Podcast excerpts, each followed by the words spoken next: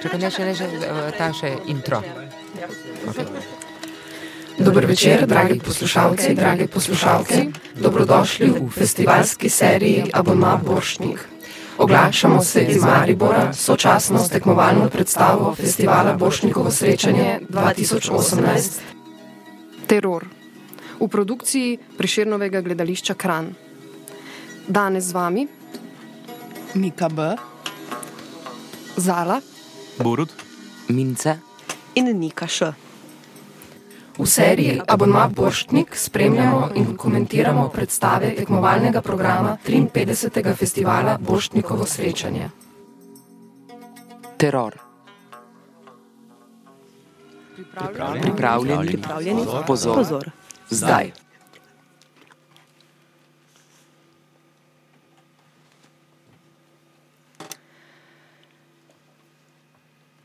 Vidimo dvorano. Oder, zastor je odstrt. Na oder pride eden od igralcev.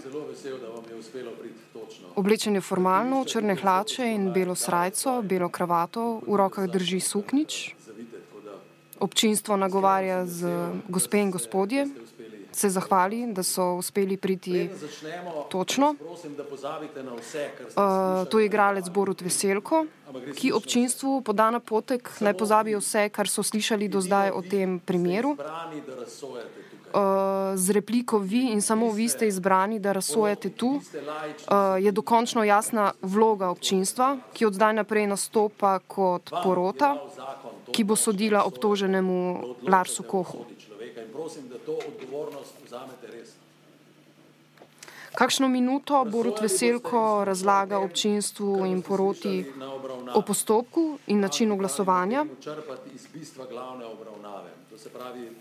Opozarja jih, naj bodo pozorni, opozarja jih na to, da ko sodijo, naj ostanejo, ostanejo ljudje, to jim nekako položi na dušo. obravnavni dvorani. Samo dokazi, ki jih bomo izvedli tukaj. Na koncu bo vsak od vas Torej smo v sodni dvorani. Aha, če bo on, če Borut zdaj razlaga, da bo on razglasil sodbo, torej ga lahko zdaj že prepoznamo v vlogi sodnika. ja. Želje, kot Sicer lahko vidimo, da je scenografija dokaj uh, reducirana na bistvo. Na prvi pogled vidimo, da gre za sodno dvorano, hierarhične pozicije sedežev stolov so zelo jasne. Uh, odr je skratka očiščen vsakršnih uh, dodatnih znakov, simbolnih nivojev. Uh, Borut Veselko je zdaj za trenutek odšel z odra, zdaj se vrača, pogleda na uro. zdaj bi lahko začeli, ampak uh, moramo počakati Pravi, da bi že lahko začeli, kolega, branilca. ampak kolega branilca še ni, vidimo neko nejevoljo in že neke težave na samem začetku. Slišim, da je končno Borut, kaj je to neka um, eh, duhovitost v pravniškem svetu, da so za zagovorniki oziroma branilci pozni? Pa pravzaprav ne, mislim, jaz v moji praksi ne zaznavam tega. V bistvu tudi svoje čase je bilo to toliko um, zaostreno, če si slučajno zamudil, so bile posledice res zelo, zelo hude, tako da so nas gledali zelo dobro strenirali, da ne zamujamo. Se je pa že kdaj zgodilo, da je kakšen tožilec uh, konkretno zamudil. Zanimivo. No, uh, zdaj je uh, prišel. Uh, branilec, igra ga Ljoša Trnošek, prišel je uh, pravzaprav iz gledališkega foeja. Um, uh, zvoki so dajali vedeti, da zunaj stojijo novinari. Zdaj na oder prihajajo poleg njega še um, državna tožilka, uh, gospa Majzer uh, in pa obtoženec uh, Lars Koh, ki ga pripelje uh, stražnik, varnostnik uh, in, ima, in je ukleščen v lisice.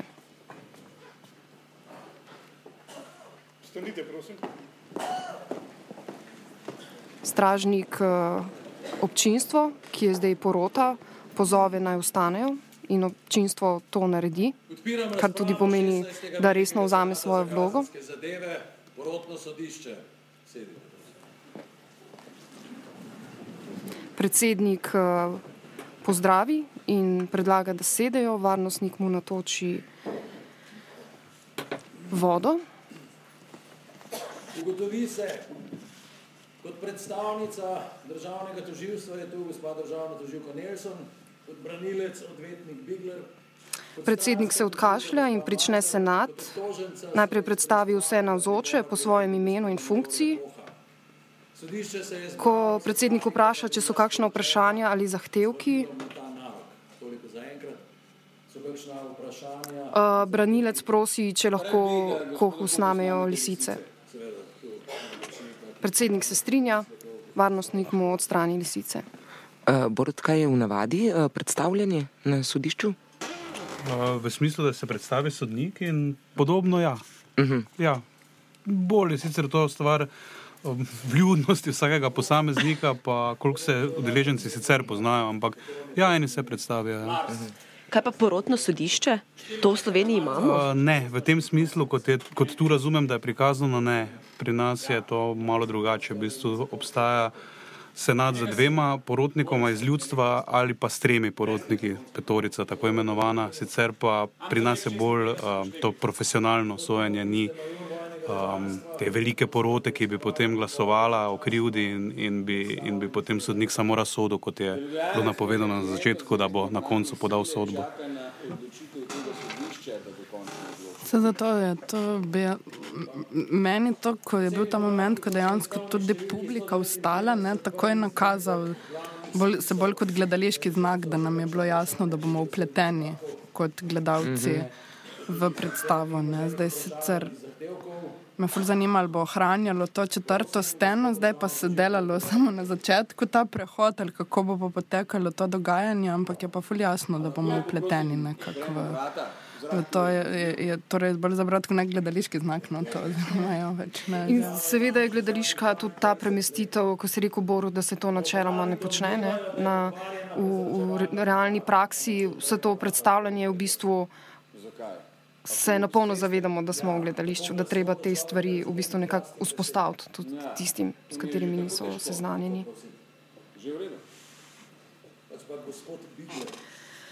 Je pa ta postavitev odrska, ne, na sredini je dvignjen sodnik, uh, uh, na, na eni strani je, je obtožen, pa njegov zagovornik, na drugi strani je tožilka. Um, nisem bila nobe, nobe, prisotna pri nobenem pač kazenskem primeru, ampak sem med predstavo se mi zdaj zdi, ne vem, recimo igralska komunikacija, vedno so obrnjeni proti nam, ne, med sabo. Ko, vem, na sodišču se gledajo, ne vem, obtoženi. Ja, tožilstvo. ja, drugače je to zelo realistično prikazano, dejansko na straneh so pravih, tako kot na recimo, našem sodišču.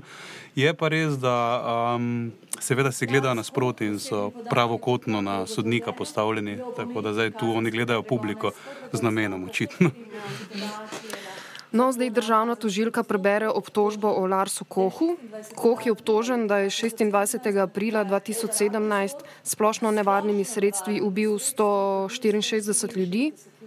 Z vodenimi strelkom je sestrelil potniško letalo. 2017 ob 20. uri in 21 minut Igralec Miha Rodman, ki igra Koha, drži tak stoični obraz, nekako celo, celo mal nevaren zgleda. No, zdaj pa vprašanje, ali je to ohranjanje res nekega stoičnega izraza brez izkazovanja čustev, čeprav občutek je kar. Uh, Me- Meni deluje vseeno strašljivo, no? ali nek človek, ki je fulno načelno že odločen, kje stoji, kaj je, ali pa mi že daje nek občutek svoje nevarnosti. Ne vem čistočno, ne? na tej točki, ko poslušaš, čega je obtožen, je ful važen ta njegov zdaj izraz mi bil, no?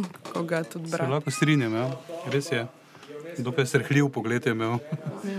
Koliko je pa recimo, kakšno vlogo igra v bistvu neverbalna komunikacija v takih situacijah? Jaz mislim, da kar precejšno. Pa ne samo pri teh porotnikih, ki so iz ljudstva, ampak jaz mislim, da smo vsi ljudje, pa pri vseh v bistvu lahko to um, ima nek psihološki vpliv. Jaz mislim, da ja. No, kot, eh, kot državna tožilka prebere obtožbo, eh, sledi še malo bolj formalno in podrobno opisovanje okoliščin. Ko prebere, se usede, predsednik se zahvali in eh, predsednik nagovori obtoženca in mu pojasnjuje pravice in dožnosti. Koh pravi, da razume. Um, in nadaljuje se dialog. Nekaj bi še rekla za to, ta čustven izraz, oziroma mm, ali pa pomankanje čustev izraz. Uh, ampak nekaj se mi zdi zelo nefer v tem v resnici, ta pričakovanost tega, kaj naj bi bilo. Torej, da ne vem, če sem kriv, bi moralo biti to, če nisem, bi moralo biti to. Zdaj, sploh, ko imamo s tem mitu in vse te izpovedi. In se mi zdi, da v resnici, kljub temu, seveda, da praviš, da smo ljudje, to se totalno strinjam, ampak da nekaj ta vsak reagira po svoje, pa ne vem, če bi zdaj moral, ker greš izven okvirjev, biti nekako kaznovan na nek način za to. Ne? Zagotovo ne bi smel biti, ampak jaz pravim, da pač realnost pa je takšna, kot je, da pač smo podvrženi temu in enostavno moraš imeti zelo dosti energije, da izklopiš, da izklopiš to in, in, in presojaš res samo po dejstvih, po besedah in se ne pustiš vplivati uh, tem malim um, dejavnikom mimike, drže, um, kakega nasmeha, kakšnega vem, žalostnega obraza in podobno. Hmm. Je pa res, da so te stvari zelo relativne. Ne? Recimo v tem primeru Koha in to, kar si povedala, kako so on, uh, kakšen obraz kaže. Me uh, spomnim na to tudi, kako različno mi žalujemo. Ne? Če se nam nekaj groznega zgodi, so ljudje, ki uh, padejo v jog, so ljudje, ki uh, zakrknejo in ne moreš reči, da tisti, ki zakrkne in ne potoči solze, ne, da ne čutijo, oziroma lahko čuti še toliko bolj ne, neko grozo. Je pa lepo mojem ključno, da je koh vojak. Ne? Tako da je to tudi nek trening, uh, uh, kako ne vem, mogoče ne izražanja, ampak čist predalčkanja svojih občutkov v ne vem, potem sistem povelje, oziroma kako se reče, to je ta, v tem hierarhičnem sistemu, najbrž če v tem deluješ ves čas tega drugačen način treniraš. To, meni je tudi spet, ne vem, ki smo opisovali na začetku um, prostor, ne, se pravi označitev prostora in sodne dvorane, ne, pa je, se mi zdi vseeno zelo. Um, Simbolno nam je jasno postavljeno, ne, sicer so to črni usnjeni stoli. Vem, jaz bi si jo drugače predstavljala v takih nekih sodnih prostorih, kjer sem, kjer sem bila, jih takih nisem doživela, pa se mi zdi, da hoče biti bolj povedna tudi s to črnino, glede na temo predstave. Medtem ko so kostumi pa kar egzaktni, ne, recimo ravno Koh je v svoji pilotni uniformi z vsemi čini, fulno natančno kostumiran. Um, Ja, zdaj v bistvu Aljoša Trnošek kot branilec eh, stopi uh, pred občinstvo, nekaj korakov naprej in začne opisovati konkreten primer, kaj se je zgodilo. Um, terorist je ugrabil potniško letalo in načrtoval strmoglavljanje na športni stadion, uh, na katerem naj bi bilo tisti hip 70 tisoč ljudi. Na to meni, da je ta moški, ko pokaže nam, uh, eh, to preprečil tako, da je se streljil to letalo in ubil vse ljudi na njem. Govori o njegovem tehtanju in uh, temu, da je bil primoran v to mučno primerjavo življenja 164 ljudi. In 70 tisoč ljudi, uh, Koh je to priznal in tu se ničesar ne ulepšuje, hkrati Koha predstavlja kot uh, žrtev. Uh, hkrati je predtem še povedal, uh, je omenil in izpostavil en uh, člen in sicer omeni, da je uh, leta 2005, da se je uveljavil zakon o zračni varnosti, o dovoljenosti sestrelitve drugih letalov. Na to je sodišče izključilo en člen tega zakona in sicer v nasprotju z ustavo je, uh, da bi žrtvovali nedožne ljudi, da bi rešili druge nedožne ljudi. Uh, in v bistvu se na nek način vidi, da je da vse zaplet v bistvu izhaja tudi iz tega, iz tega člena. Meni se zdaj čisti gravsko postavlja. Um, Nastop še trnoška v vlogi pač ne nekega tega monologa odvetniškega, me res zelo na hollywoodske uh, prizore odvetnikov spominja, ker smo se že večkrat podobno te vprašali, mene tudi ta točka zanima, no, primerjava z neko prakso. Ja, ta del je malo holivudsko predstavljen. Ta, to sprehajanje, pač meni je jasno, da zaradi publike, pa, ker je to predstava, mora biti, ampak um, ne bi te najboljše, najbolj, najlepše gledal sodnik, da bi se začel pred njim tam hoditi, pa, pa uh, parodirati na ta način. Ne. Včasih se mi zdi, da že če, če, če malo preveč gestikuliraš, eni sodniki to kot zelo dolgo, mislim, jemljajo, kaj zdaj igraš, kaj zdaj delaš teater zdaj na, na sodišču. Čeprav drugače, pa moram reči, da me zelo fascinira, ker sam do zdaj besedilo in vse skupaj je zelo dosledno, je zelo realistično. Res, res vi- se vidi, da pravnik, eh, odvetnik to pisal. Ja, avtor eh, teksta um, je Ferdinand von uh, Šira. Šira. Uh, gre za gledališki komat, ja, ki je v bistvu zaokrožil po celotni Evropi, predvajajo ga v Nemčiji, Švici in Avstriji. Uh, recimo um, Eva Nina je tudi omenila, da je gledala v, v Berlinu. Uh, v bistvu gre za na nek način za m, gledano dramaturško, pa tudi na nek način režijsko, za zelo schematično ali pa mogoče fiksirano predispozicijo, ki pa seveda potem, uh, ki, kako res razumem, prav z to mogoče m, neko uh, um, vizualno rigidnostjo v bistvu na prvo mesto uh, daje zgodbo in primer. Uh, da se lahko, v bistvu izostri fokus na, na vse dileme in v bistvu na vsako repliko, ki je, ki je izrečena. Meni je ravno v tem označevanju eh, um, prostora ljudi, pač ne, ne tega mislim, resničnega, ne odmikov, ne, ni, ni metafor in to mi je pomenljivo. Ne vem, ne vem kam umesti zadnje video projekcija, ki jo gledamo.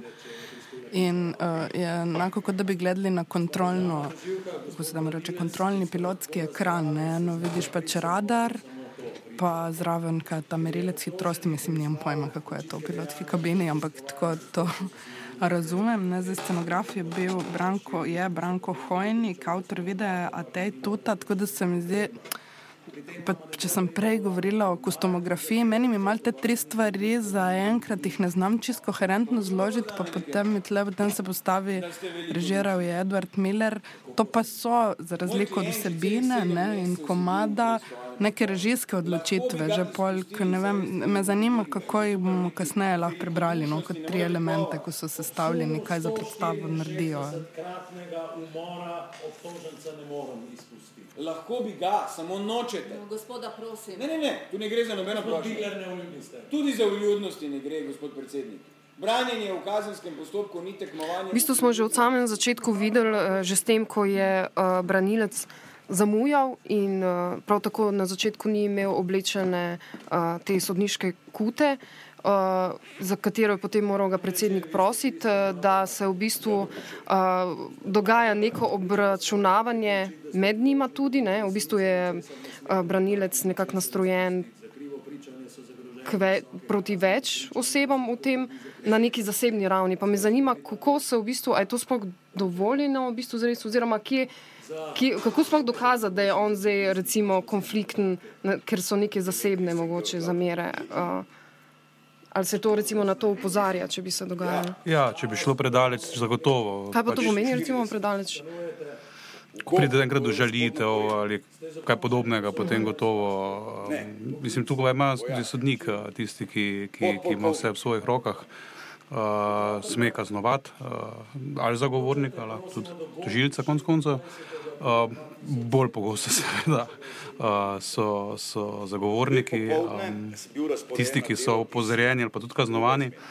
Uh, se pa dogaja, ja, ta, ta, kot neka osebna obračunavanja se tudi se znajo zgoditi. Neke zamere iz mogoče kakšnega drugega preteklega postopka, ko komu nekaj ni ustrezalo, zdaj pa si bova dokazovala, kdo je bolj pameten. In, um, to se dogaja. Ja. Pa se to potem recimo problematizira, uh, ne, ne vem, po končanem primeru, ali to nekaj, kar se. Um, Odvisno, kako daleč gre. Če zdaj to izmenjava nekih besed, um, ki zdaj niso zelo očitno žaljive, potem se to pozabi. Seveda, če pa, če pa zdaj sodnik da zagovorniku enih 500 evrov kazni, recimo, potem pa to več ni hec, pa tudi pritožbe, pa jasno se to ne pozabi, ko stopiš iz sodne dvorane. ne. no, v tem času je na oder uh, stražnik pripeljal tudi uh, eno od prič. Uh, igrajo uh, ga um, Peter Musevski na oder je vstopil v pilotni uniformi, uh, sedi uh, pod predsednikom. In v bistvu on razlaga, v kakšni komunikaciji je bil z Kohom. Um, natančno piše svojo funkcijo, govori o zračnem prostoru, o nadzoru NATO in vlogi letalskih sil. Uh, predsednik, predsednik ga zanima, kako točno se nadzira zračni prostor, priča mu razloži, da so z vsakim letalom v stiku in so pozorni na nepravilnosti, na nenadne spremembe, smeri, radijsko povezavo. To je kar ključno pričanje, ne? ker dobimo neko pogled v to um, ob obtožbi, ki jo je prebrala državna toživka o nekih časih, kako so potekale te ravno hierarhično pod uh, um, poveljne in kako je nastopilo in kdaj do, ta odločitev, ki jo je Koh potem sprejel. Ne? Oziroma tudi, mislim, to, ja, to, da zdaj poslušamo izjavo. Ki je prišla iz kabine pilotske, ko je bilo zaseženo letalo. Tako da dobimo nek ta pogled v takratno časovno dogajanje, no, no, ne samo kontekst potem sodni. Ja, in to so dejansko za presoje in razsoje v takšne zadeve sto bistvena in ključna dejstva. A je res bilo ugrabljeno, koliko je lahko ta pilot imel um, tega vojaškega letala? Um, prezentno, da je dejansko ugrabljeno, da dejansko bo uh, strmoglavo letalo na nek večji objekt, na nekam, kjer bo umrlo več ljudi, kot je na tem letalu, ki ga zdaj se odloča, ali ga bo se streljil ali ne. To je bistveno.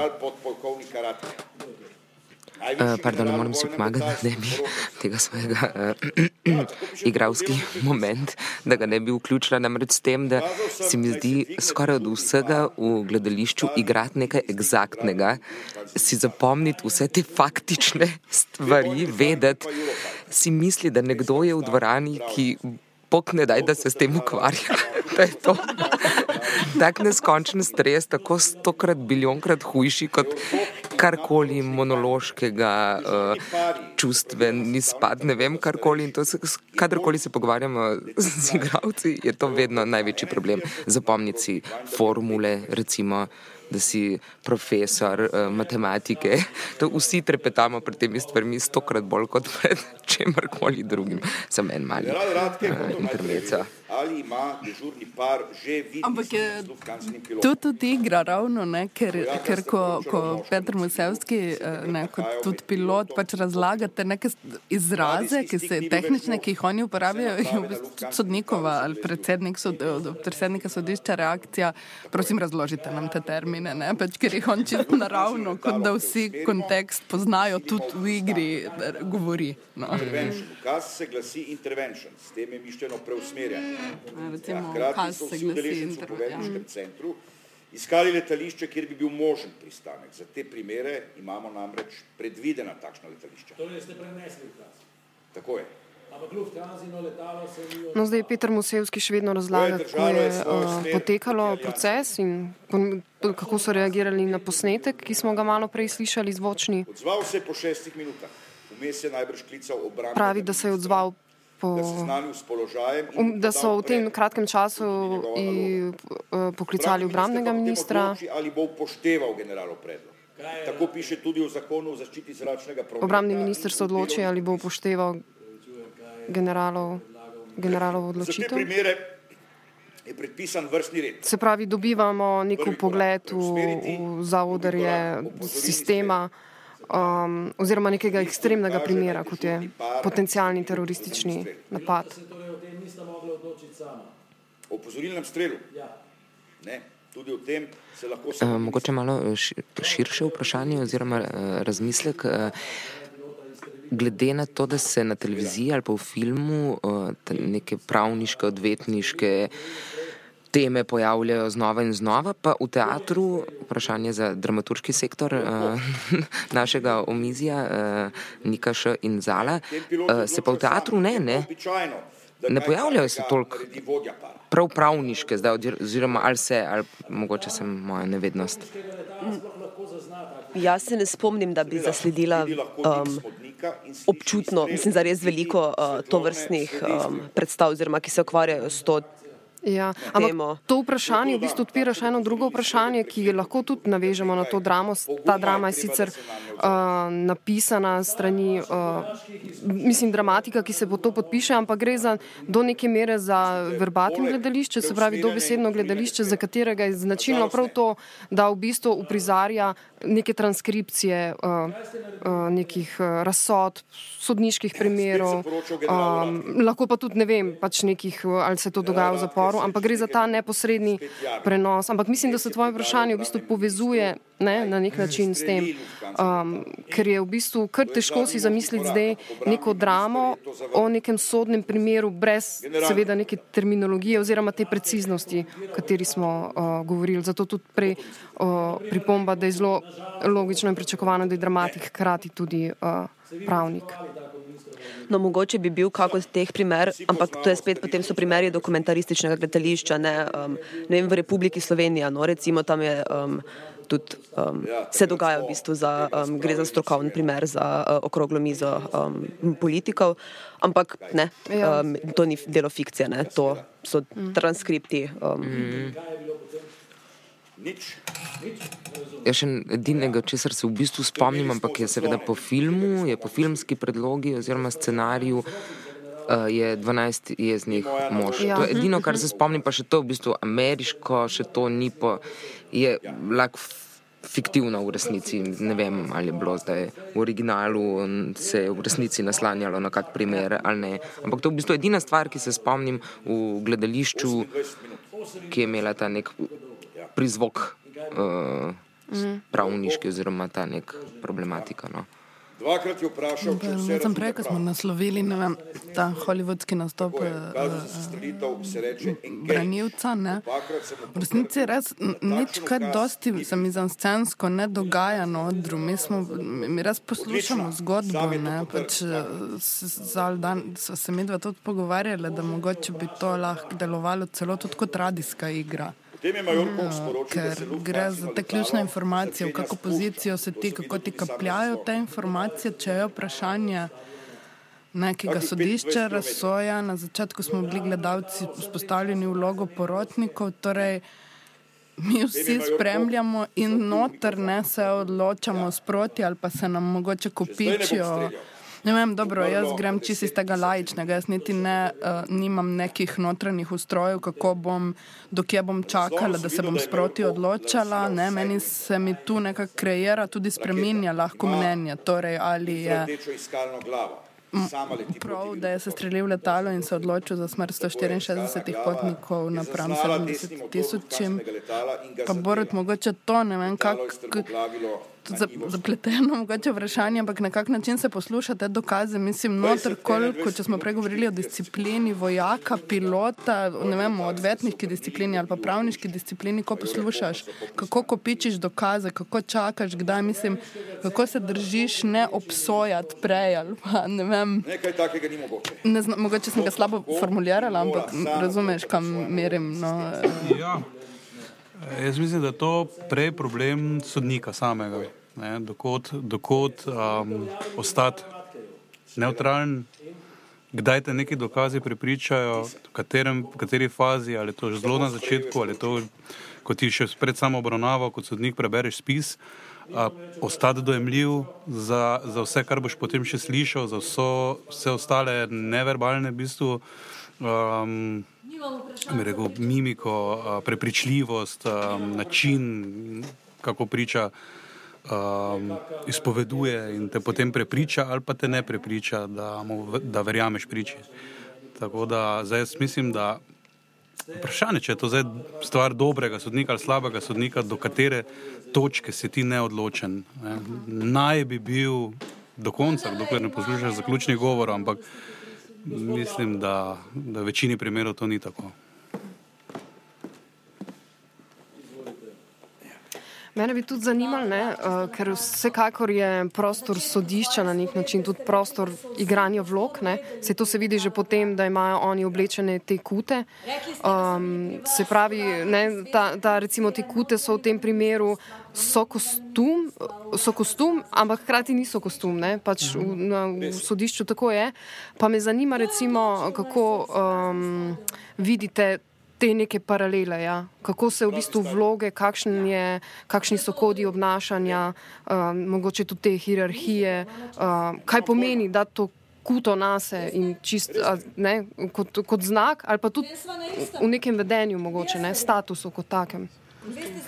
Ja, če zdaj z vlastne izkušnje govorim, je to stvar um, razvoja, v bistvu, ko, ko jo dobiš ko jo ko dosežeš, to, da jo lahko oblečeš, si zelo ponosen, zelo ti moče daje tudi samozavest, da jo imaš. Um, potem pa postane to ena rutina in um, v poletnih mesecih v neklimatiziranih dvoranah prej muka kot pa, kot pa nek ponos. Ampak dobro, če, če, če živiš za ta poklic. Um, Je to še vedno nekaj, kar ti, kar ti daje neko, neko, kaj bi rekel, zadoščen, mislim, počuti se častno, da oblečeš, ok, ne, sem oblekel zdaj in bom svoje poslanstvo gojil in bom nekoga branil. Ne. A si recimo predstavljate, da tega ne bi bilo, da bi bile pač te uh, sodne obravnave, da bi vsi bili mm. poenoteno oblečeni? Kaj bi se spremenilo v bistvu? Jaz mislim, da je prav, da, da, da, da, da je to, da so toge, da, um, da se oblečejo zagovorniki, tužilci, sodniki, vsako različno barvo toge. Ker to vendar le neko svečanost, um, neko tudi distanco potem prič ljudi, tistih, ki nastopajo na sodišču, pa niso zdaj zagovornik, tožilec ali pa sodnik. Um, spostavi se, se vendar le neka, neka distanca, neko spoštovanje. Teda jaz podpiram, da mislim, da je to prav. 52 minutah. Minca, ti si rekla prej, da je ne vem, pač ta igra, eh, kako se soočiš vem, z, z govorjenjem vsem teh faktov ali pa veš ta egzaktnost pri tem. Ampak kaj pa jih v, v neki taki situaciji, kjer je tudi ful lah točno raziščeš, mogoče igralsko, kaj pomenijo neki ravno obrazci obnašanja na sodišču. Kaj, uh, je, je to nekaj, kar daje varnost ali je tudi to lahko obremenjujoče? Um, Mislim, da je lahko tudi obremenjujoče, dokler se verjetno ne odločiš, da si to sprej, sprejel pač v taki obliki, kot si ti predstavljaš. Jaz mislim, da je strašljiv moment, dokler še ti kolebaš, dokler ti je nekaj, kar si samo res predstavljaš in ne veš.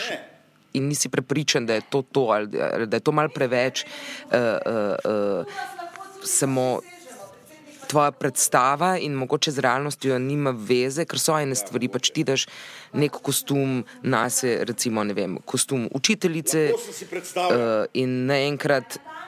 Se tebi zdi že, kako bi se ta učiteljica morala v teh, uh, v teh balerinkah obnašati. Naenkrat je to lahko tudi zelo. Zelo poceni, no, na nek način se počutiš. Dokler tega ne sprejmeš, pa pa naenkrat to sprejmeš in se znotraj tega osvobodiš. Vse moje izkušnje so take. No.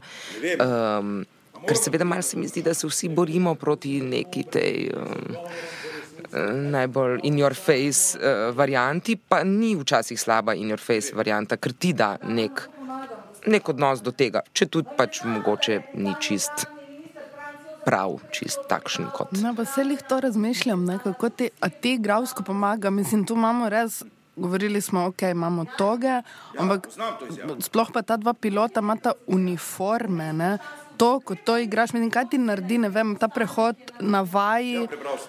Ko še ni tega kostuma, kaj se zgodi? Ko, ja. Seveda, vsakeč že, že pri ne uniformi, kostumu se zgodi preskok. Uh, um, kaj šele z karkoli uniformiranega. Ti daj, jaz mislim, da to, kar si rekel za toge, Borut, da to je v bistvu to. Ja, da to, to je ista ja. funkcija. Ja. V bistvu, zaradi tega je tudi ne samo uniformiranost kot taka, ampak da v bistvu uh, vlogo nekako oblečejo. Ja. Da jim to spodbudi, spodbudi določeno distanco, določeno moč. Ne. Ali ne bo to policija, ali ne bo pač vojska, neke te militantne uh, sile. Zdaj v tem času smo videli, da se je državna toživka uh, s svojim uh, zagovorom in uh, tekstom sprehodila tudi v dvorano med občinstvo. Uh, tako da in še vedno tam ostaja.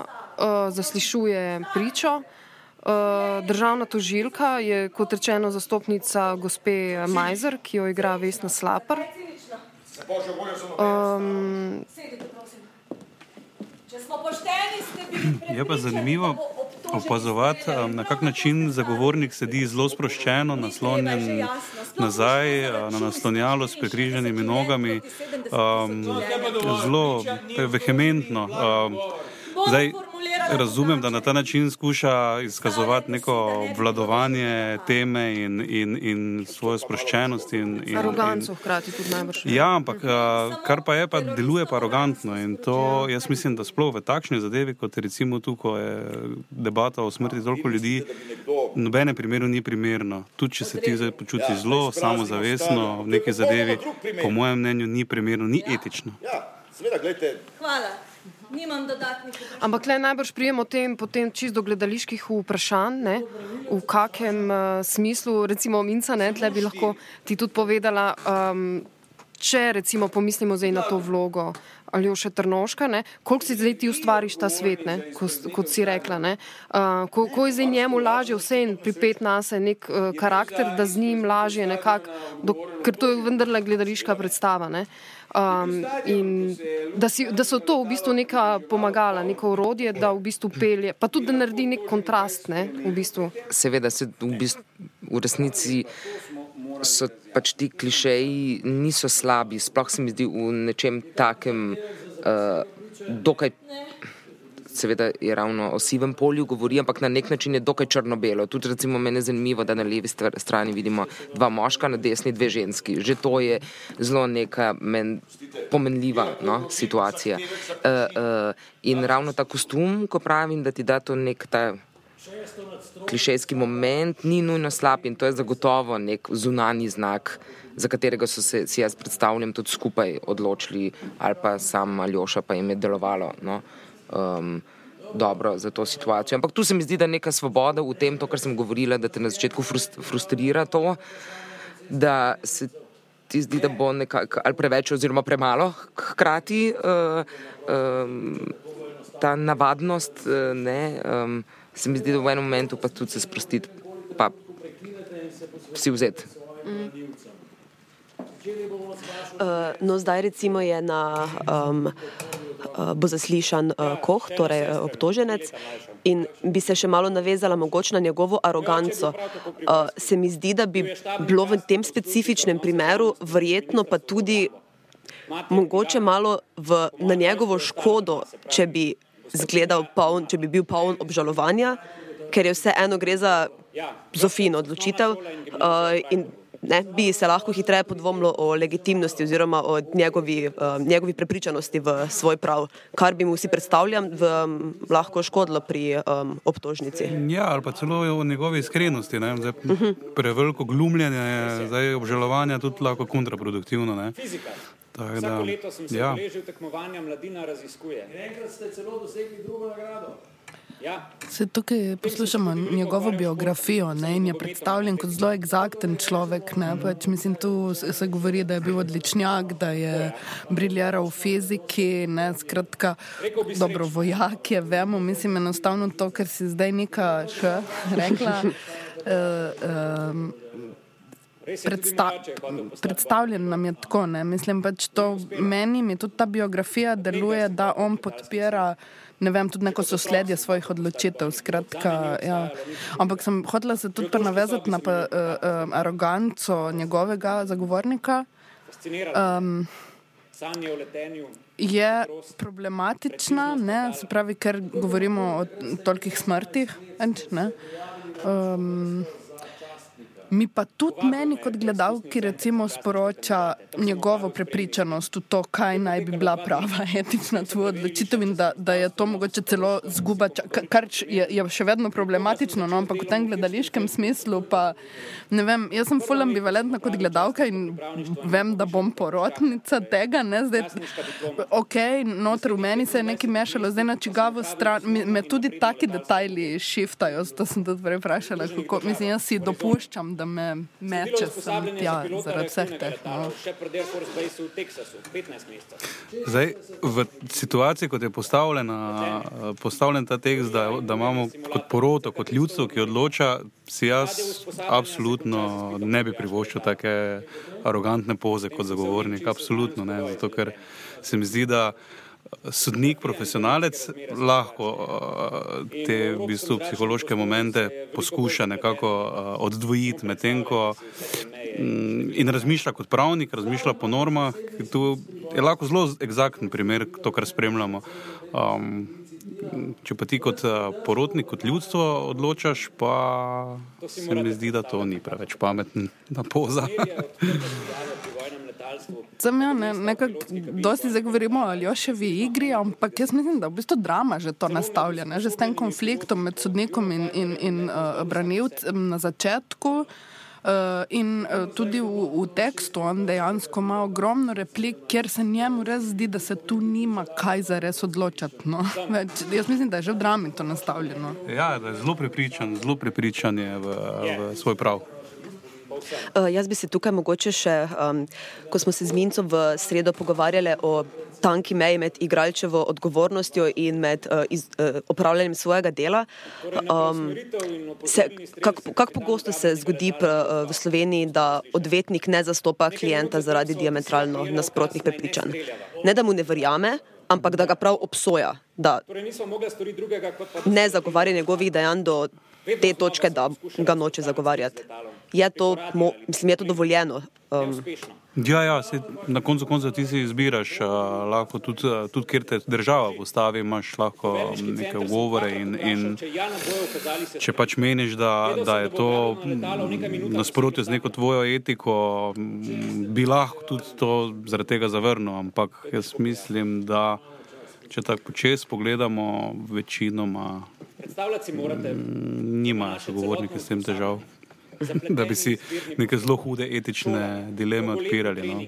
Vse pa, mislim, če zdaj se sebe govorim osebno, se pojavi, da je tudi to vprašanje in se sprašuješ, je ok, ni ok, ampak konc konca se profesionalno praviš svoje delo. Ne. Ampak tu se recimo lahko zdaj navežemo, če, naredimo, če malo razširimo kontekst uh, same uprizoritve uh, in recimo si zastavimo eno od vprašanj, ki v bistvu se navizuje na, na dileme, s katerimi se ukvarja tudi uh, sama predstava in tekst in hkrati tudi na nek način uh, vprašanje, ki si ga zdaj zastavlja. Um, pa mogoče zdaj, ne vem, lahko vsak od, od nas odgovori na to in sicer na vprašanje, ali po vašem mnenju obstajajo okoliščine, ko je prav, da, prav razumno in pametno ubiti ljudi. A bi kdo odgovoril na to vprašanje? Mislim, ker se mi zdi, da pač je tle ta nek podaljšek predstave, se pravi te fikcije, ki jo gledamo na odru, ki se dotika vprašanj, uh, ki, ki sproža vprašanja pri nas. Mi seveda nismo uh, na tem mestu primorani to odgovoriti, ne? so pa primorani na to odgovoriti oni, ki jih gledamo. Ne? In zato se mi zdi, da je v predstavi treba potegniti ven to realno vez, se pravi z nekim uh, dogodkom, uh, kjer v bistvu se naši neki etični zakoni ali pa načela v bistvu pridejo pod vprašaj. To so dejansko vprašanja, ki jih je uh, producent prišel v gledališče Kran, ne, ne vem zdaj v kakšnem umetniškem sodelovanju z ekipo zastavu. Ne. To je v bistvu ta razširjen ja. kontekst, ja. ki si rekla, se mi zdi samo pomembno. Aha, ja, ja, ja, ja. Si ti nam ja. zastavlja tega ja, vprašanja. Ja, ja. To so v bistvu neka vprašanja, ki uh, nek, bodoče občinstvo lahko na nek način uh, ogrejo ali pa mal vidijo, v bistvu, kje se nahajajo v svojih etičnih standardih, še predno bodo šli. Uh, gledati. Lahko pa gremo na kako naslednjo vprašanje, če se nihče ne bi opredelil. Ampak se mi zdi, da je ta mok zelo. Um, Jaz bi mogoče uh, malo pa bi odgovorila. no, um, dobro, mislim, verjetno samo obramba to že v štartu, mislim, da mi je jasno. Ja. Mislim, jasno, ne ja. pač da. Ampak seveda, to, pač, recimo, Ampak to, če ti je ja. lažje, lahko se tudi navežeš v bistvu na, na primer, v katerem uh, govori drama. Se pravi, ali je uh, razumno in pametno bilo ubiti uh, terorista in z njim Preden sem začela gledati predstavo, bi rekla, ja, definitivno. Potem pa se tukaj pojavita dva dodatna zapleta. Prvi, ki ga je povedala že tužilka, da so imeli v resnici čas za evakuacijo in da če bi to naredili, ne bi rabo zares noben umret. Drugo vprašanje pa je potem, uh, ki pa ga zastavi uh, uh, Kohu, torej obtoženemu, ali, če, ali bi se odločil isto kot se je, če bi bila njegova družina na letalu. Tu pa potem več ne vem, ne. Ja. Tu pa ne vem, če bi se še vedno isto odločila.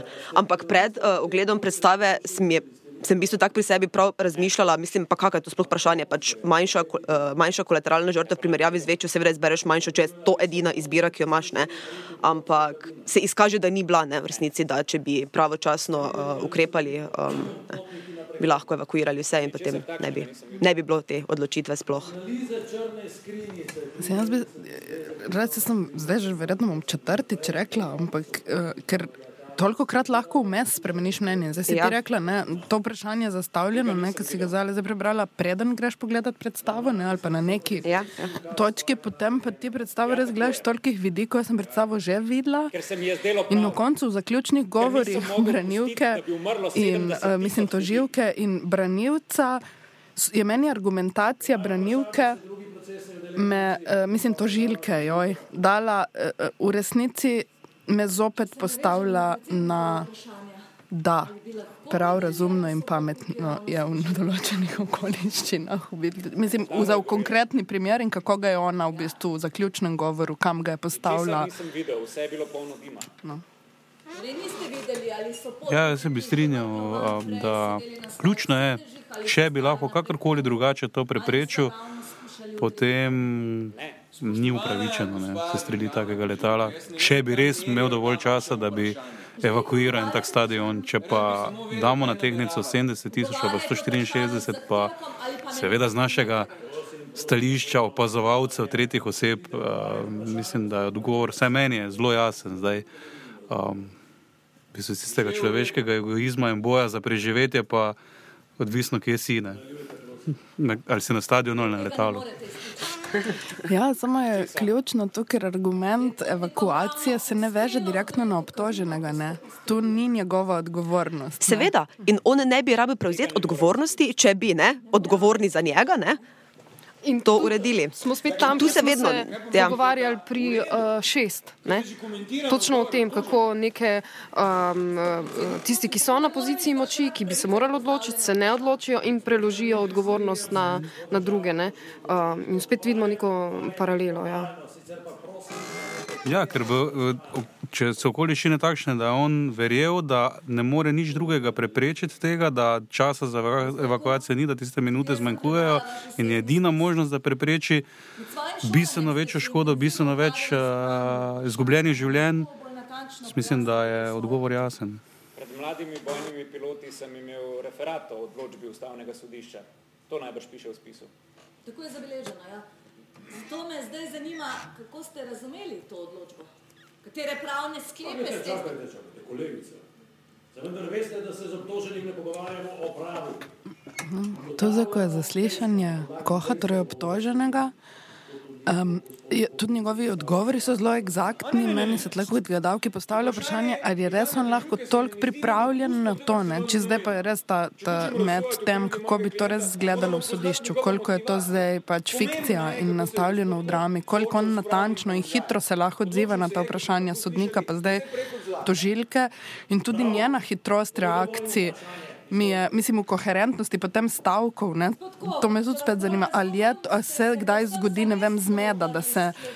Um, Ne vem, da niso toliko pripravljeni, dobro, njega lahko razumemo spet kot vojaka in to, da, ja, da je lahko pripravljen, ampak je tle meni recimo predstava, zdaj mi postavlja pod vprašanje, u, tu, tu, tu zgubljam verjetnost pa tu ravno procesa, ker mi je vse pretočno nekako. Uh, Načeloma ja. Ja, do neke mere se strinjam. Ja.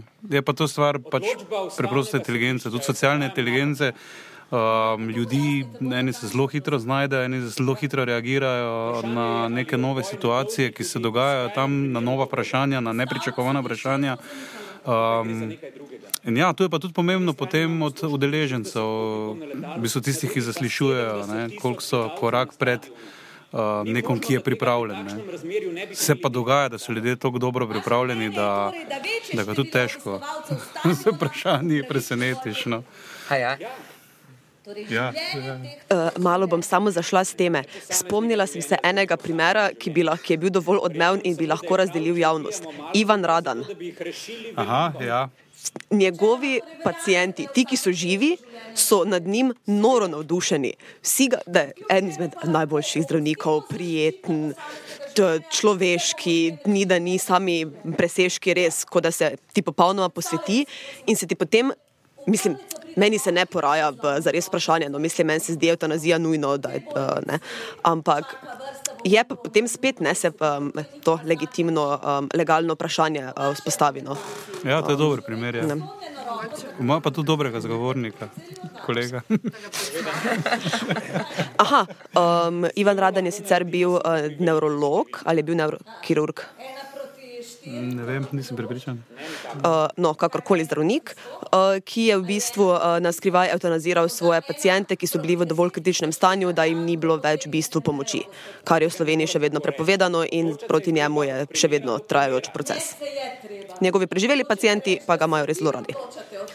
Ja, je pa tudi res, da je on s tem uh, hotel upozoriti na te anomalije v samem zdravstvu. Ne? In tle se tudi poraja vprašanje, na nek način tudi samo žrtvovanje. Zato je tudi prišlo do precepa, do katere mere je on ta glas, glasnik, ki se je seveda uprl te večini institucije, ne? ker vsi vemo, da institucija vsaka ščiti samo sebe. Uh, in je na nek način ne, to, kdaj se ti postaviš v, v vlogo tega, da boš na nek način žrtvoval sebe za to, da bi rešil vnaprej v tem primeru. Ne? Ali pa, če je tle recimo cilj boljše zra, bolj transparentno, no? recimo zdravstvo. Ampak, če smo že pri tem primeru, je pa bilo zanimivo, ker to, kot sem ga spremljala, je kako je raden. Radan.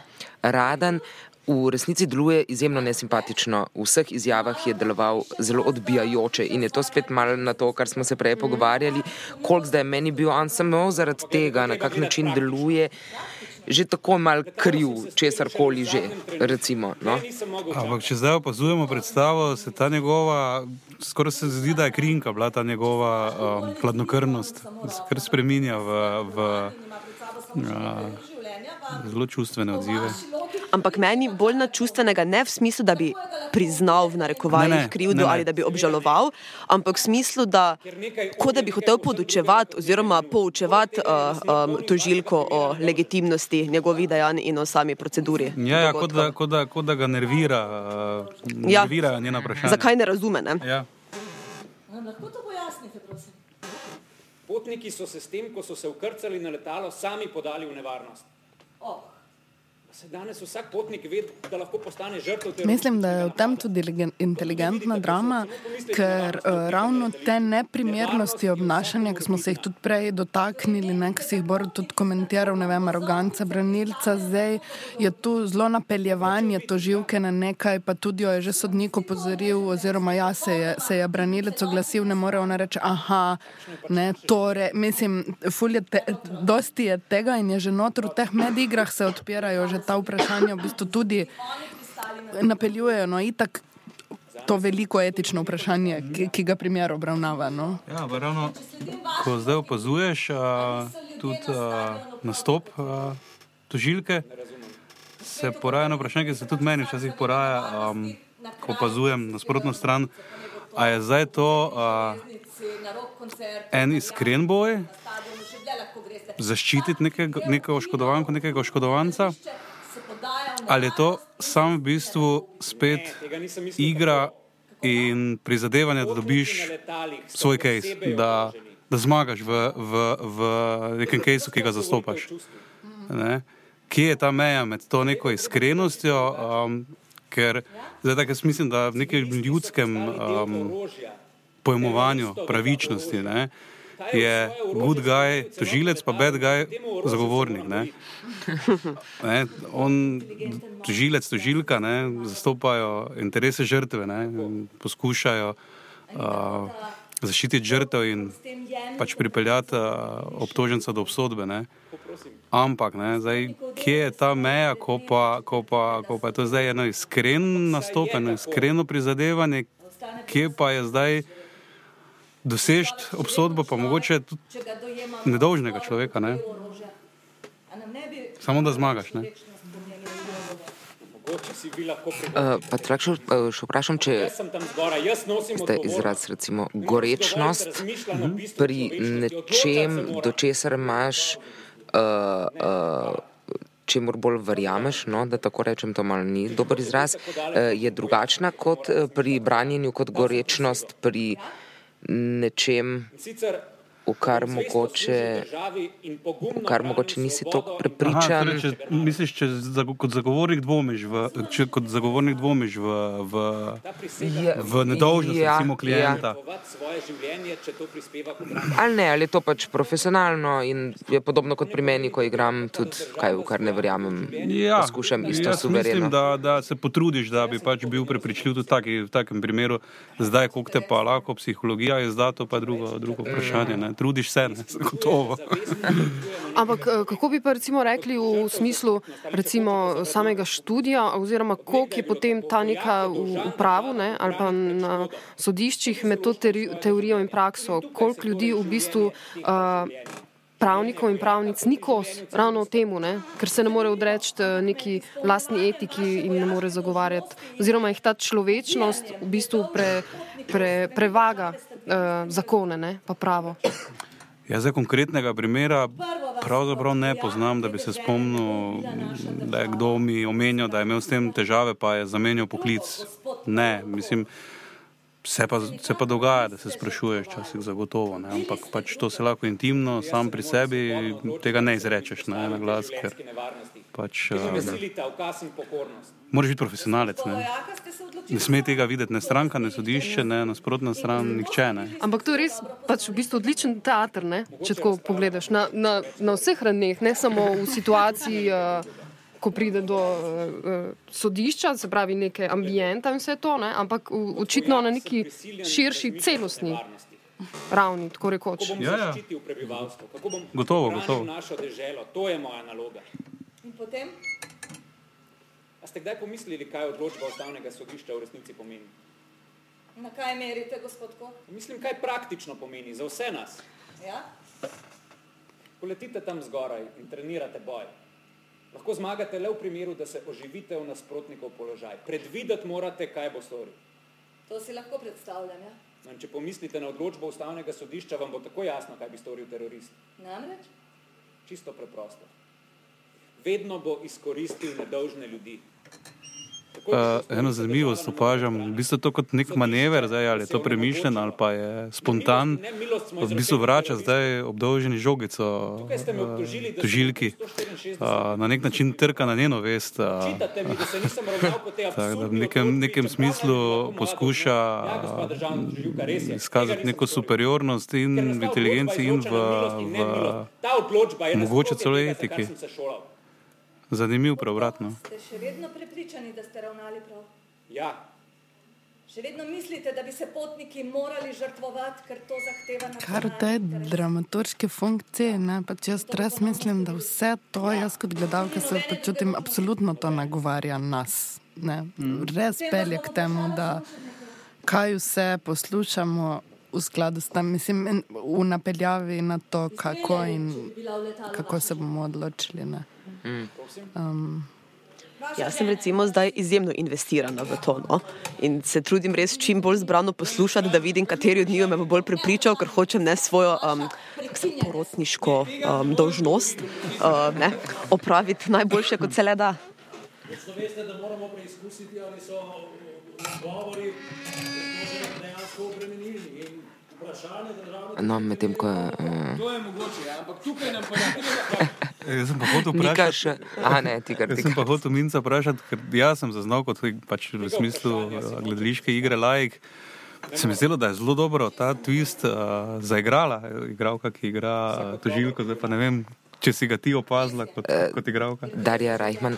Uh, uh, ja, o, o, zdaj malo sem se toliko na enih drugih stvari, zdaj ko se pogovarjamo tudi iz tega pravniškega, mi je toliko novo, to, toliko mi je zanimivo to poslušati, da v bistvu malo mi je to dejansko uh, v kakem momentu vrata postransko. Mislim, da kako se meša to, uh, to dvoje, kar. Čisto ja, lajično, mislim tak, da je dobro je zaigrati to trenutno neko negotovost, ko je malo spravo z balansa. Ja, ja, ja, ja, ja, ja, absolutno. Ampak, no, se to pa, to, dobro si mi dal, ker sem ravno hotla prej, uh, medtem ko uh, naj Nika še uživa in uh, se sprašuje porodniško dožnost svojo opravlja, da pa ravno, ko si rekel za uh, Darijo Reichman, da meni zelo zanimivo kranski ansambl, zdaj bom čist mal bom šla drugam. Širimo kontekst. Tako, smere, tako da uh, uh, je meni noro, koliko kranski ansambl meni vedno deluje skupno na odru. No? To je neverjetno, koliko imajo oni, nekako vsakič potegnejo v kakršnih koli imajo uh, poetikah, režijskih pristopih, se mi zdi, da nek, neko skupnost vsakič čutim in se mi zdi, da res ni na ključe, zala to pa mogoče vprašanje tudi zate, pač uh, si bila selektorca. Da kransko gledališče tako rekoč vedno sodeluje na Bošnikovem srečanju. To je gledališče, ki ima, mislim, da sedem zaposlenih igralcev, ki uh, de, deluje torej v Kranju, v okolju, ki je verjetno vse manj kot prijazno do kakih uh, preveč levičarskih uh, pristopov. Uh, predstav in tako dalje. In se meni tu zdi tako unikumno v našem prostoru, tam to majhno gledališče, ki vsakič se izkaže za veliko. No? Ja, to je res. Jaz mislim, da če bi šli za začetek, recimo čisto statistično gledati, glede na to, koliko je zaposlenih, kakšne produkcije, v kakšnem okolju delujejo, je v bistvu vprašanje, če ne bi celo presegli neke uh, narodna gledališča, ne? vsaj v, zadnjih, v zadnjem času. Ne? In je v bistvu zelo, meni je zelo zanimivo, kako se uh, preširno gledališče kran, glede na okoliščine, ne smemo si zatiskati oči, ne? da je to ni neka prestolnica, niti ni veliko mesto, uh, da je v bistvu v teh uh, svojih. Uh, predstavah, seveda ne vseh, ne, tako radikalno zdaj tudi ne mogoče biti, ampak bomo videli tudi z našim razredom. Um, da um, v bistvu odpira zelo, zelo uh, pomembna vprašanja in se tudi odziva no, na, na čas. In se mi zdi, da v takem, mislim, majhnem v bistvu gledališču, predvsem pa okolju in občinstvu, ki ga nagovarja, v bistvu na nek način zelo drzno. Ne? In se mi zdi, da s tem sam dobiva kredibilnost. Ne? Je pa res, da ima neko vse in taktiko, s kakšnimi teksti v bistvu. Ne? Čeprav po drugi strani je res, da pred. Petimi leti eh, so povabili tudi recimo Oliverja Frliča, ne, kjer je v bistvu obravnaval temo, ki je bila prej 15-20 let, se nihče z njo ni ukvarjal. Ne. Uh, tako da z tega uh, vidika, ja, sigurno je pa to, kar si omenila, je pa pač tudi najbrž neka prednost manjših ansamblov, ne? si jaz nekako predstavljam vse en. To je tudi res, ampak se mi zdi, da je kranski ansambl oziroma teater nasploh najbolj konsistentno podcenjen teater v Sloveniji. Da se so res konsistentni v tem, da delajo dobre predstave, če gledamo poprečje nasploh v teatrih, se mi zdi, da imajo najmanjše odstopanje med res slabim in res vrhunskim. Po drugi strani smo pa skozi presenečeni vsakič, ko dobivajo nagrade. Vsako leto znova. Ja, in mi je ja. zelo zanimivo to, no, ker se res sproti se dokazujejo, ampak še vedno je. Eh, ne, jim, kodaj, ja. ne, ne verjamemo, skozi res mi je to zelo fascinantno. Ja, taka stigmatizacija, ki mm. potem jo lahko tudi seveda na vladno sceno prenesemo. In, um, in se vidi, kako, koliko časa, koliko nagrad morajo oni dobiti, da bodo ljudje pa zdaj gledali kot gled, na gledališče, ne kot na obrobno ali pa ne vem, manjše gledališče. Ne. Zdaj mogoče malo lahko poslušamo um, gospod Majzer ki je uh, žena uh, človeka, ki je umrl na tem sestreljenem, um, na sestreljenem uh, letalu. Ona pripoveduje tudi o tem, da je on malo predtem poslal SMS, sporočilo. Um, seveda pa ona prinese eno popolnoma drugo dimenzijo, ne? zdaj v samo, uh, samo predstavo in dramaturgijo. Uh, v bistvu je ona neka um, oseba, s katero se najbolj identificiramo ne? na nek način, že od samega uh, začetka. Ja, do vseh teh funkcij, do vseh lekov nam je ona najbližja. Če, če nismo uh. Moja hčerkica Ne, ma- ma- spala šaj- in vsem ne, ampak pač, to Gledano eh, statistično v preču, ne pač verjetno ni v publiki večina vojakov in pravnikov, tako da ona je res neka zastopnica ljudstva tu in jaz tudi doživljam njen nastop kot najbolj čustven. Pač, in da je to tudi njena strategija ali pa dra, dramatikova strategija, kako nagovoriti še en del, še en segment pri potem tej ključni odločitvi. Ne. Uh, tudi ne vem, jaz uh, mislim, da je čez zares že prej bilo omenjeno, ampak zdaj zares znotraj tega SMS-a sem zares kot gledalka slišala še eno novo informacijo o celem poteku zgodbe in se je zavedla, da so poskušali potniki vdreti v pilotsko kabino ne, in je to še nov moment v zgodbi in tajmingu, kdaj je bilo letalo sestreljeno in kaj bi bilo, če bi bilo še en, kaj bi bilo, če bi bilo. Ne, ne, ne, ne, ne. A lahko zdaj jaz nekaj vprašam? Policija mi tega ni hotela povedati. So potniki prišli v pilotsko kabino. Kako prosim? Jim je uspelo priti v kabino. Tega ne vemo, v tistem trenutku so se strelili letalo. Ja, ampak to je pomembno, ne? Tako bi lahko ustavili terorista. Potem sploh ne bi bil treba se streliti letala, ne? Kasneje ste bili še enkrat na policiji. Ne. Ona sicer zdaj uh, je, glede na ostale, je v bistvu najbolj impulzivna, najbolj emotivna, najmanj pod nadzorom, ne? tudi zato, ker je popolnoma neki drugačni funkciji. V njej je umrl nekdo, ki je bil blizu. Uh, pa me zanima, recimo, A pride, uh, ona se sicer umiri na neki točki, ne, pravočasno. Uh, koliko je teh primerov res, da mora priti no, mogoče do prekinitve ali pa celo nekih, pač, uh, ne vem, da jih od, odpeljejo ven ali kako je s tem? Ali, ali, ali so nekako vseeno prisiljeni, da se pomirijo tam? Te, da bi bile tako ekstremne situacije, da jih uh, bi odpeljali ven, mm, jaz se ne spomnim. No. Bi moral zelo pomisliti, zdaj, Hvali sem a sem bil kdaj navzoč na čem takem, ampak um, ja, takšni izbruhi uh, emocij, ali pa tu pravzaprav ni emocij, tu, tu je bolj tega takega zelo hladnega gneva. Vrsti. Ko jaz opazujem, to ni nič kaj okavega in, in, in prozaičnega, to je zelo na, na mm, mislim, zelo močno ta gnev izražen. Um, to pa se dogaja, ja. to pa se dogaja, zdaj pa, a, a v takem, taki situaciji prekiniti ali pa spustiti naprej zadevo, je pa zelo odvisno od situacije. Od situacije. Včasih bo boljše prekiniti, včasih pa boljše, da ljudje to uh, preprosto dajo ven. Včasih jaz celo vidim, da je včasih celo poslanstvo lahko sodišča, da ljudje dobijo forum, kjer nekaj povejo, kjer to svojo vem, ali bolečino ali, ali, ali krivico, ki se jim zdi, da se je zgodila, preprosto obesedijo, povejo nekomu in jim je lažje. pokopali smo prazen krse. Ravno ona, to, um, prej smo govorili o obratu, ne, ti si opozoril na to, kako je vrnil obtoženi žogico tožilki, ampak to pa se zgodi, da je uh, um, uh, ona uh, rekla, a lahko jaz zdaj nekaj vprašam. Ne? In to se mi zdi ravno to, kar praviš. Ampak je ta prostor tudi za vprašanje nekoga, ki se usede na prostor za priče, pa da lahko v tudi dejansko, ne vem, si še on razjasni neke okoliščine, ali je on dolžan samo podajati, mislim, on v bistvu sprejemati uh, vprašanja in odgovarjati za to, da. Preprosto ta, ta, ta prostor si dosti krat ljudje vzamejo. To je zelo realno, to se relativno pogosto dogaja. Um, bom pa tako rekel, da nihče od profesionalnih udeležencev tega preveč ne mara. No. Ne sodnik, da zdaj ga kot kliče na neko odgovornost, ga nekaj sprašuje, če to niso za neke čisto preproste proce- proceduralne zadeve. Um, Seveda pa kot, uh, kot zagovornik um, ali pa tožilec, seveda pa sploh ne mareš tega, da, uh, da te začne priča zdaj tebe nekaj, nekaj spraševati, ker ona je zato tam, da odgovarja na tvoje vprašanje. In potem se dosti krat dogaja ena konfliktna situacija, ko, ko v bistvu ti to zavrneš, z, se postaviš malo na piedestal in rečeš, vi niste v poziciji, da mene sprašujete, odgovarjate na vprašanja in podobno. Ne. Da Rodi to, da je tudi konflikte. Ja.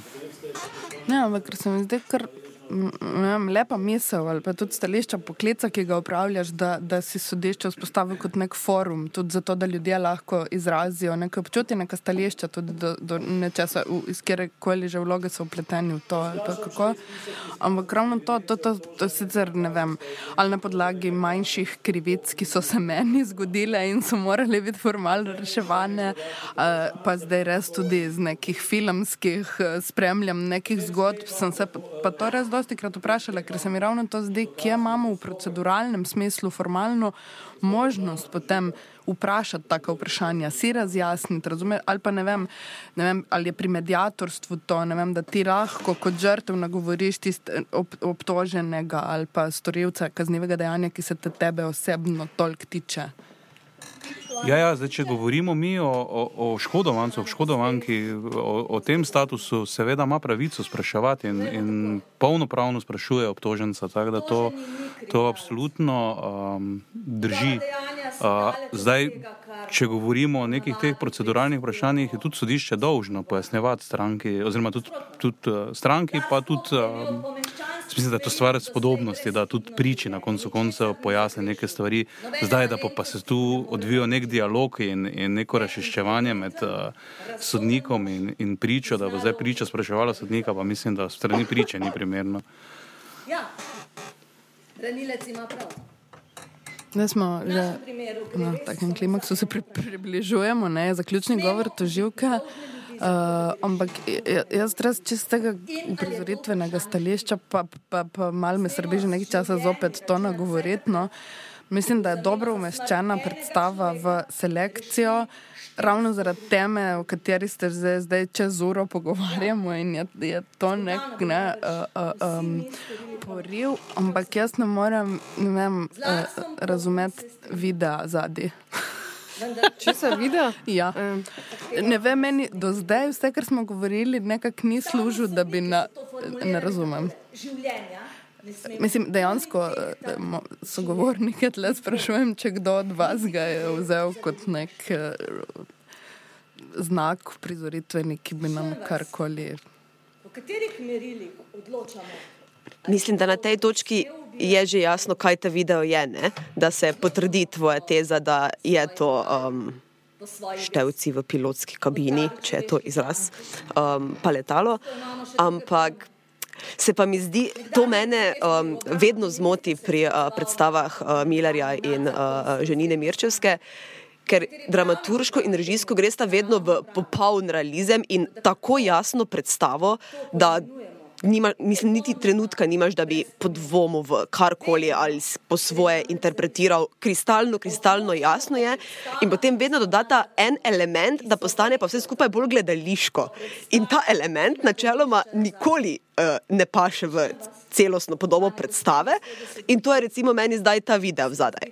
Da je Ne, dajmo še vseeno pokazati, da to zdaj ni za res, kar sicer vsi vemo, ampak potem ne, pa se zgodi ta um, neumestni video, ki sicer v bistvu še dodatno podčrta. Mislim, meni je osebno recimo malo napotano. Um, Ne, zdaj, jaz, jaz, jaz pa čutim, da mi je v napoto, zaradi tega, ker se profesionalno z gledališčem ukvarjam in, in ga hočem brati in ga hočem brati. Kot gledalki, tako pa mislim, da ga mirno ignoriram. Ampak je, je pa, zato sem čisti iz te pozicije. Ja, tudi se začela spraševati. No, v smislu zlaganja nekih prizoritvenih znakov in kako kam, kako, mislim, drugač meni mi prizoritve ne moti, toliko je gosta, toliko je pomembna tema, ampak čisto kot gledališki ustvarjalki pa me tudi, ja, mi, mi, uh, mi da, uh, mislim, mi imamo pravka še z nečim o pomembnejših temah. Ja, se pa na tej scenografiji uh, neke črte izrisujejo, ne, skozi predstavo. Um, ki pa tudi ostajajo malo odprtega pomena. Ja. Tudi se nam včasih zdijo napačni in nemoralni, veljavni. Moralno prepričanje, moralno pravilnega prepričanja ne smemo nikoli postaviti nad ustavo. Tako je vsaj v delujočem. To, kar sem že prej govorila, ker sem pred sabo že gledala, ne? zdaj smo v trenutku zaključnega govora tožilke, kjer sem rekla, kako me tudi mene kaj mi je uh, pri odločanju pomenu. Zelo je, uh, se postavlja tu ona res na načelno pozicijo in niti več ne na pravno načelno pozicijo, se pravi, več ne svojega argumenta argumentira za odločitvijo ustavnega sodišča, da pač ta sestrelitev razen z dovoljenjem ministra ni opcija, ampak govori vem, o, o kantu in o vrednosti človeškega življenja. Pač, um, tako da tu potem za razliko od, ko bo prišel go, uh, zaključni govor branilca, kjer govori pa res uh, o bolj o praktičnosti življenjskosti, to, kar tudi vaš čas pri zaslišanju koha, on sam poudarja obtoženec, ne, res se vzpostavi prav ta, to dvoje trči, no, in nekako, ja, mogoče sem jaz bolj pričakovala, da bo zaključni govor res govoril o pravnih vprašanjih, o tem zavezujočnosti, pa ona vstopi zelo načelno v ta zaključni govor. Uh, postane meni to bolj filozofsko kot pravno vprašanje, celo to. Ampak meni je recimo pri tem, uh, uh, pri pravne, oziroma pri tej odločbi ustavnega sodišča zelo uh, fascinantno to, da v praksi bi bil rezultat enak.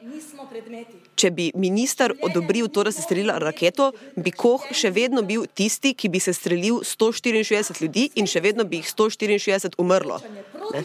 To se mi zdi potem zanimivo, sklicevanje na to, čeprav v resnici ne bi spremenilo ničesar za resne. Ja. Mislim, bil bi to tle vprašanje, ker bi bil pooblaščen, ne, da to naredi. Uh, kje se recimo pol tle zmanjša njegova krivda ali pa kazen? Se pravi, da dejanje v vsakem primeru stori, ampak eh, da je enkrat naredi iz vlastnega vzgiba, drugič pa zato, ker je za to pooblaščen. Zanimivo vprašanje. Ne vem. Uh, osebno, pa, če malo bolj govorim kot. Uh, kot človek, ne kot uh, pravnik. ne vem, za mene je to en formalizem, ne vem, iščem, iščem razlage, zakaj to soglasje, ali sistem, ali se s tem kupuje čas, ali se s tem kupuje neka kontrola v tistih škarjah, ki se ožijo, ko se minute odštevajo. Ne vem, ekspost, ko imaš na mizi dejstva, ko analiziraš za nazaj, a je za to, to soglasje ali ni, je lahko zelo brezpredmetno. Ja. Mislim, da je ključno to, ali je to bilo res neizogibno, ali, ali, ali je bila ta nevarnost res tako konkretna, ali bi res on, ali ni šlo drugače pre, preprečiti, ali bi res a, je imel možnost priti do tistega stadiona. Mm, ta vprašanja so meni pomembnejša. Ja, mene zanima recimo eno vprašanje, ki je na nek način enakovredno tako z našega recimo, gledališkega vidika, kot recimo pravnega. In sicer to so sledje, da najprej uh, uh, govori, um, se pravi, uh, uh, tožilka, uh, državna tožilka in potem branilec. Ne? Se pravi, ta neka psihologija, tisto, kar na zadnje slišimo, ne? v bistvu lahko veliko bolj vpliva na nas, kar se v predstavi zelo, po mojem, zgodi skoraj vsakemu. Ne? Uh, kakšna je ta, recimo, kako je ta logika uh, nekako temeljena v pravnih, je, pravnem okolju? To je čisto realistično. To je v naših postopkih popolnoma enako. Najprej govori tožilec in na koncu obramba, in čist zadnja beseda je dejansko obtoženčeva. Ne? To se pravi, najprej običajno govori njegov zagovornik in uh, zadnja beseda je lahko potem uh, obtoženčeva. To pa je zelo različno. Nekateri imajo potem še svoje govore, večinoma pa se pridružijo temu in rečejo, da ja, ja, to, kar je povedal odvetnik, to je to. Ja, ampak recimo hipotetično vprašanje, če bi se ta mhm. vrstni red spremenil. Ne sme se. Ja, ampak recimo tako, ne, hipotetično. Bi... Zakon tako napisan. Ja, ampak hipotetično se pravi, ja. meni čisto iz tega nekega psihološkega, ja. nevrološkega vidika, ja. ne, to so sledje informacij, ki jih mi dobivamo tu pri predstavi ali pa nasplošno v življenju. Kjer na nas najbolj zdaj... kako lahko ena izpodbije drugo, ja, glede na to? Vem, to je podobno vprašanje, kot kaj boljše biti na Eurosongu, prvi ali zadnji. Ne, ne vem. ne, zdaj, uh, ena, ena varianta je, da je boljše biti prvi, ker si še bolj dojemljiv kot eh, razsojevalec za tiste, ki prvi govori, po drugi strani pa je res za tiste, kar zadnji slišiš, ti pa mogoče bolj ostane v spominu. Koliko je to sploh relevantno, ker če sodnik odločen že prej, so vsi ti govori, potem v bistvu samo stvar, da se sledi postopku, v bistvu pa nima neke realne vsebinske funkcije. No, mogoče lahko zdaj malo poslušamo, kaj uh, še govori uh, branilec naredimo tako kot državna toživka in za trenutek pomislimo, ali ima sploh smisel, da se ravnamo po načelih. Prav Immanuel Kant, naše državne toživke, je o tem napisal drobcen spis. Besedilo ima naslov o domnevni pravici do laganja iz človekoljubja. In veste, kaj Kant trdi v njem? Naj vam povem. Pred vašimi vrati stoji morilec Sekiro. Vaš prijatelj je pred njim ravno kar pribežal v vaš dom. Morilec pravi, da bi rad ubil vašega prijatelja in ali veste, kje je. Po kantu, gospe in gospodje sodniki, vi v tem položaju ne smete lagati. Saj nikoli ne smete lagati. Reč bi morali, a seveda, dragi morilec, ja, tam zadaj sedi na kavču in ravno kar gleda športni pregled. Pa fino se imejta. Ne, ne. Ko, na predstavi, kjer sem že bila, pa moram reči, ker si rekel, od sodniki odločen že prej. Moj občutek je bil, da smo kot porotniški forum tudi bili v bistvu osebno odločeni že pred vsemi temi zaključnimi govori, glede na hitrost oddajanja listkov v skrinice in ne oklevanja pri tem v izvedbi. Ki sem jo videla, ne nisem statistično vsakega opazovala, no, ampak po občutku. Ali je prav, da načelo človekovega dostojanstva postavljamo nad reševanje človeških življenj? Podajte, no, lepo vas prosim, pomislite. Naslonite se za hip nazaj in pogledajte stvari takšne, kot so. Lars Koch je rešil 70 tisoč življenj, zato je moral ubiti 164 ljudi. To je vse. A je to grozno? Ja, je. To je grozljivo. To je strašljivo, to je strahotno. To da. Ali bi šlo drugače? Ne. Lars Koh je tehtal in sprejel pravo odločitev, ker ti nobeno načelo ne more biti pomembnejše od tega, da rešimo 70 tisoč življenj. Pika. Verjetno se zdaj po pledojeju državne toživke počutite neprijetno, če sledite le svoji vesti. Sem je pa Se priznam, v prepoznavnosti igralca, ki igra branilca, da je to Aljoša Trnošek, ki je tudi uh, uh, obraz uh, filma, televizije. Tudi to meni je odprlo to vprašanje, kako to na gledalce lahko deluje pri nekem odločanju. Okay, je Darja, to, absolutno so to pomembna vprašanja. Ja. In to, to ko, se, ko se lahko tudi pri uh, drugih igravcih uh, in igravkah sprašujemo, iz kakšnega konteksta ga poznajo, poznajo koga iz televizije, iz neke nanizanke, kjer je ima dober lik ali slab lik. To so absolutno te neke nijanse, ki na nas uh, vplivajo. Ne? Tako kot vpliva tudi, če nekaj vemo o njemu zasebno, ne? recimo. Um, Da potem uh, vpliva na našo uh, interpretacijo predstave. Ne. Včasih pa, mislim, včasih v negativno, tako da v bistvu imaš neke madeže, včasih pa tudi uh, pozitivno, ker veš, ne vem, oni, ne vem, nekdo je dal res neko izkušnjo skozi in mu zato recimo bolj, v smislu verjameš mu, no, ker ve, o čem govori. Včasih pa po mojem pregledalcu je čisto dovolj, da samo pozna obraz in da ga to pomirja, da recimo pozna obraz Aljoša Trnovška, ne glede na karkoli, kjerkoli ga videl ali v Tantadruju, ko je bil majhen ali pa uh, pri oddaji Vem uh, uh, ali pa iz filma. Mislim, da to nekako, um, sem to, da poznaš, ne glede na karkoli, je že absolutno mal plusek, ker ti je nekaj domačega.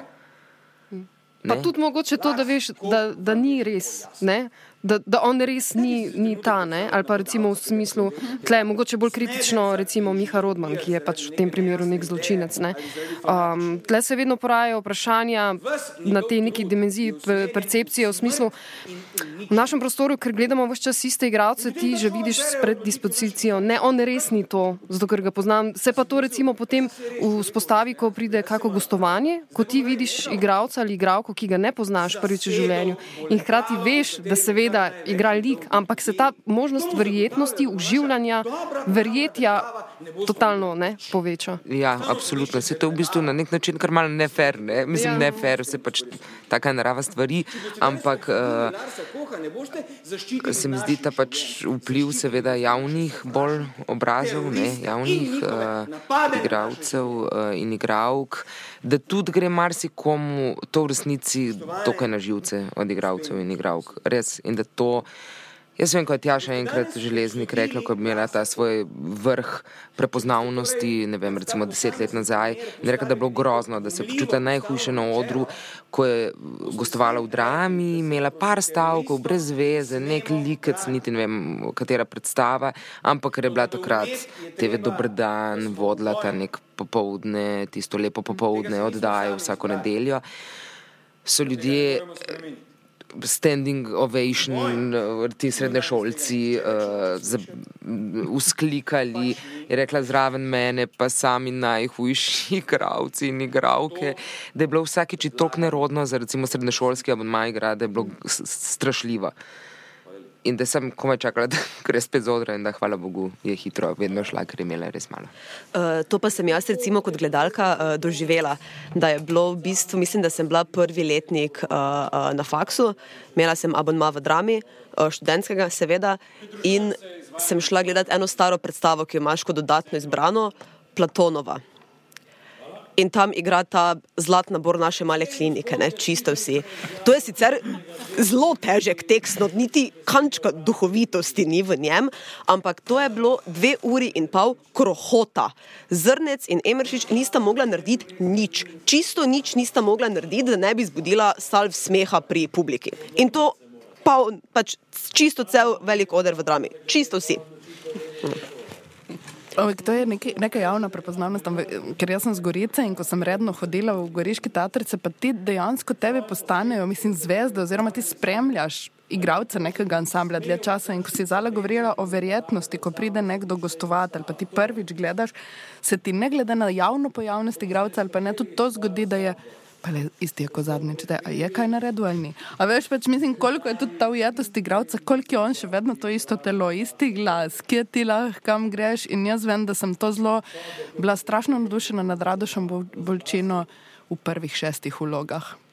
Pol pa več nisem vedela, če gledam sploh različne vloge. Ne? Pa z vsem spoštovanjem do Radoša, ampak pač to je bila moja izkušnja, ker sem ga tudi toliko redno vse čas gledala. Ne? Mogoče se za trenutek vrnemo k prizoritvi. Uh, predsednik je napovedal uh, gledališko pauzo in pauzo v dogajanju. Vsi so ostali, porota, sliš občinstvo. In so pozvani k glasovanju.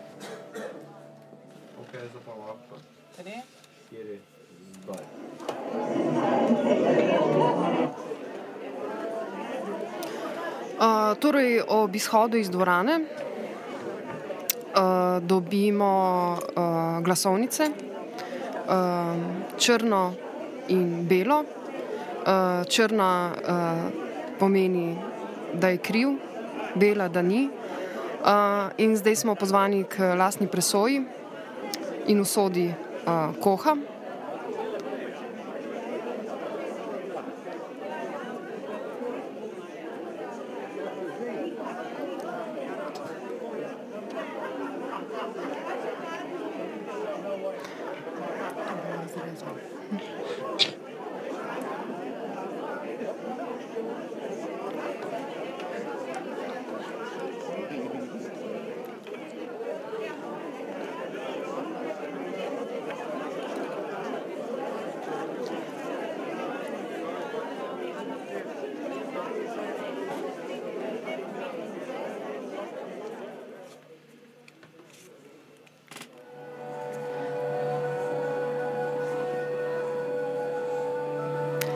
Vrnili smo se v dvorano, uh, potem ko smo oddali uh, svoj glasovalni listek. Nekateri so oddali zelo hitro, drugi so razmišljali do zadnjega možnega uh, trenutka. Medtem so uh, v zaodrju in hkrati v zaodrju sodišča uh, prešteli naše glasovnice.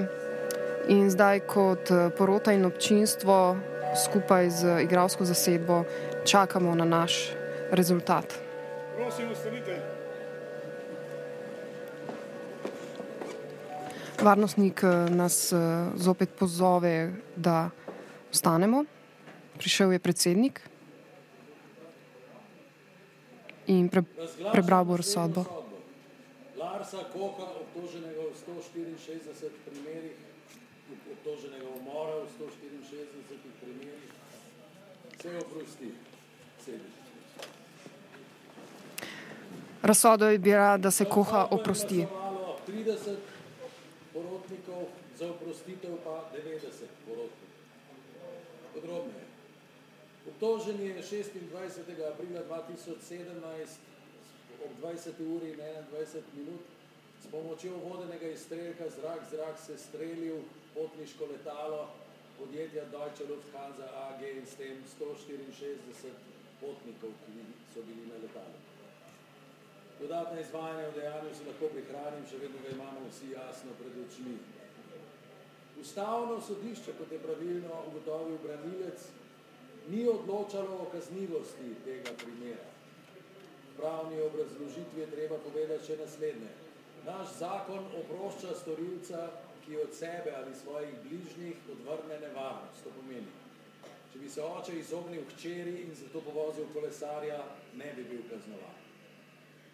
Ampak med Larsom Kohom in gledalci na stadionu ni bilo takega bližnjega razmerja. Sodišče v tem vidi protislove, s katerim se noče sprijazniti.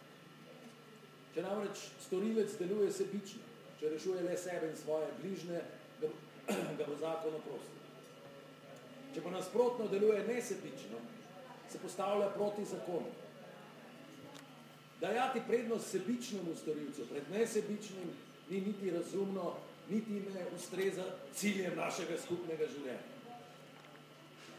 Nobenega dvoma ni, da si obtoženi resno in uporabil vseh sil vesti prizadeval sprejeti pravo odločitev. Lars Koh ni streljal iz osebnih razlogov, temveč zato, da bi rešil gledalce na stadionu. Objektivno je torej izbra, izbral manjše zlo, zato ga kazensko-pravni madež ne bo zadev. In če strnemo, če tudi je težko, moramo sprejeti, da naš zakon ne, mora, ne more razrešiti vsakega moralnega problema. Lars Koh je postal sodnik med življenjem in smrtjo. In nobenih pravnih meril nimamo, da bi dokončno preizkusili njegovo odločitev povesti. Zakon, ustava in sodišča so ga pustili samega in prepričani smo, da ne bi bilo prav, če bi ga zdaj za to obsodili. Larsa Koha smo torej morali oprostiti. Obravnava je s tem končana porotniki so hvaležno razrešeni dolžnosti.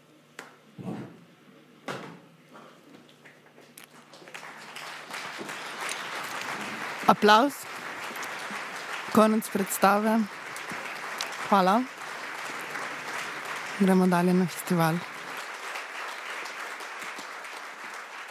Serija Abonma Boršnik je del projekta Abonma v produkciji Momenta Maribor. Podcasti so nastajali v sodelovanju s studijem Europe Radio GT2. Serija je arhivirana na SoundCloudu Maribor is the Future.